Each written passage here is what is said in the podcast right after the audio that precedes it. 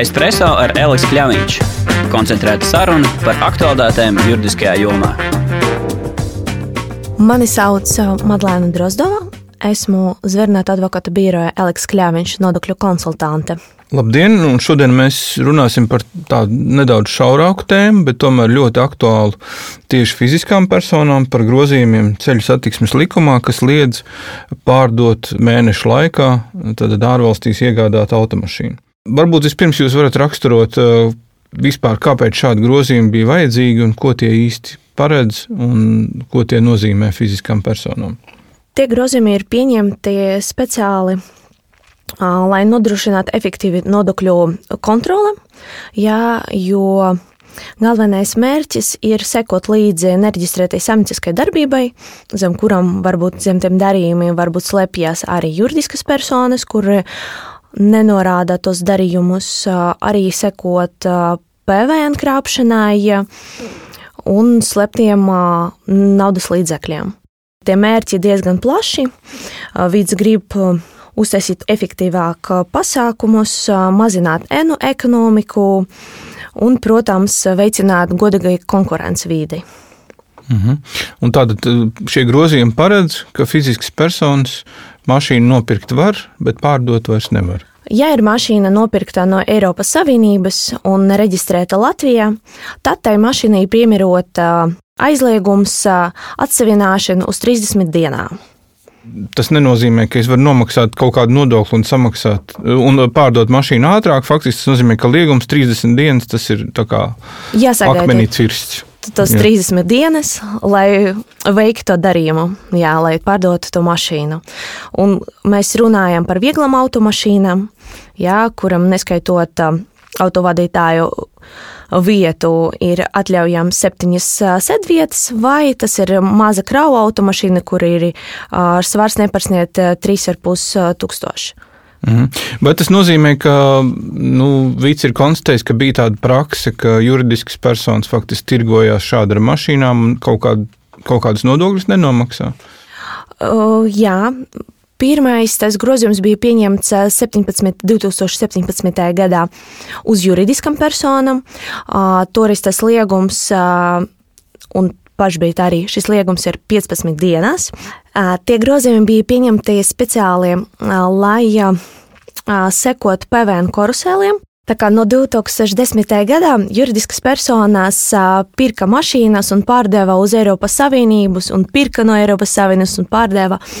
Un tā tie darījumi notika pa karuseli dēļ PVN izkrapšanai, jo tā pirmais uzņēmums, Latvijas uzņēmums, nenomaksāja nodokļus, nākamais pārdeva uz Eiropas Savienību un dabūja priekšnodokļu atpakaļ. Un viena tā mašīnā divu nedēļu laiku varēja nomainīt sešus vai astoņus īpašniekus, un tad uh, tie uzņēmumi varēja dabūt to priekšnodokli no, no 10, 20, 30 tūkstošiem, atkarīgi cik daudz tā dārga jauna mašīna izgāja cauri robežai, ja, tam pieņemsim starp Lietuvu un Latviju un atpakaļ. Un parasti to varēja, vids varēja to konstatēt tikai audīta laikā. Tajā laikā audīti notika tikai pēc, nu, pēc viena gada, pēc diviem gadiem.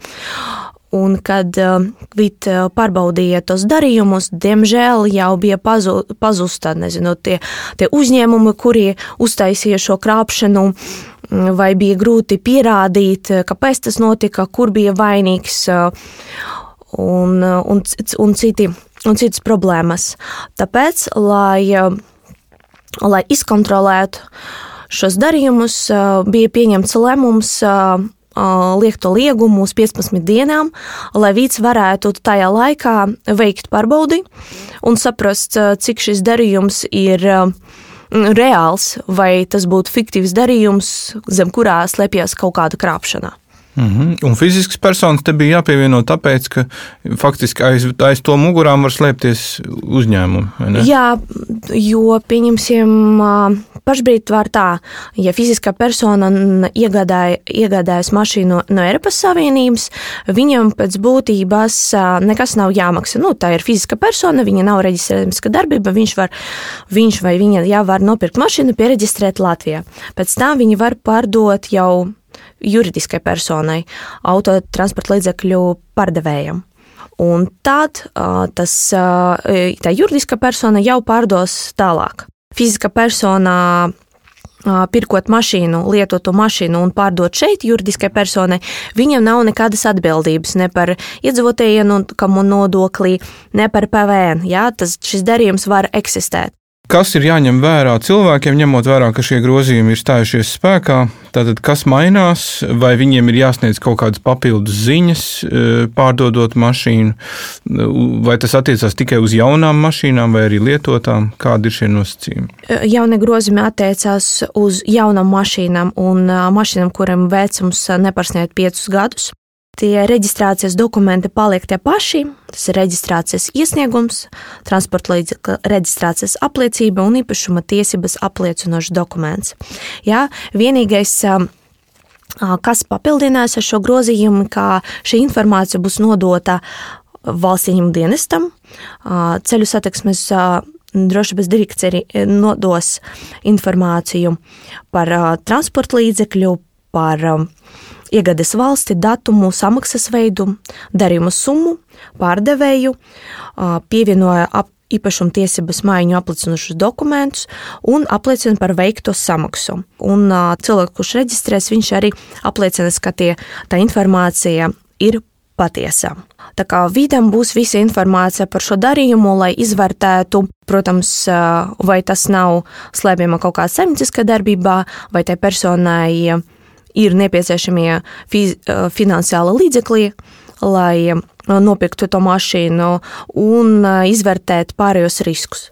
Tātad 30 dienas tas ir tāpēc, lai vidam būtu laiks to visu izvērtēt. To, izvērtēt, paprasīt varbūt papildu informāciju no tās fiziskas personas, ja būs nepieciešams. Jā, tas ir optimālais laiks, lai vīti varētu veikt savus preventīvus pasākumus. Vai man, kā fiziskai personai, mašīnas pircējam, kas pērk Eiropas Savienībā tā mašīna, tagad, nu, teiksim, ne Latvijā, bet kādā citā valstī, vai man ir kaut kādas papildu informācija jāpieprasa no pārdevēja, ko man būs jāiesniedz šeit? Nē. O, nē, kā fiziskais personai, ne, jums darījums tikai ar pārdevēju, un tas ir viss, kas ir nepieciešams zināt. Okay, kā ir ar valstīm, kas nav Eiropas Savienībā? Ja es pērku mašīnu Šveicē, tad tas viss nav spēkā? Tas nav spēkā, jo tas attiecas tikai uz mašīnām, kur būs iegādāti no Eiropas Savienības. Nu, es varu papildināt, kāpēc tas neatiecas uz Šveici un uh, citam ne Eiropas Savienības valstim. Uh, tāpēc, kā nopirkt mašīnu ārpus Eiropas zonas, tas ir diezgan sarežģīti, jo tur ir muitas formalitātes, jānokārto, jāsamaksā muitas nodokļi un PVN. Tāpēc no vidas ieskatā tas nav tik riskanti. Tur nevar būt kaut kādi citi nodokļu nemaksāšanas riski.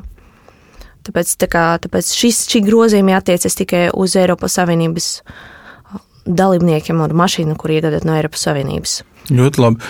Sakiet, kādi varētu būt ieguvumi valstī pēc tam, kad šis likums būs stājies spēkā un sāks darboties? Par to, kā vīds tagad veica savu provizorisku aprēķinu, plāno uh, saņemt ieņēmumus no tiem grozījumiem ap 800 tūkstošiem eiro.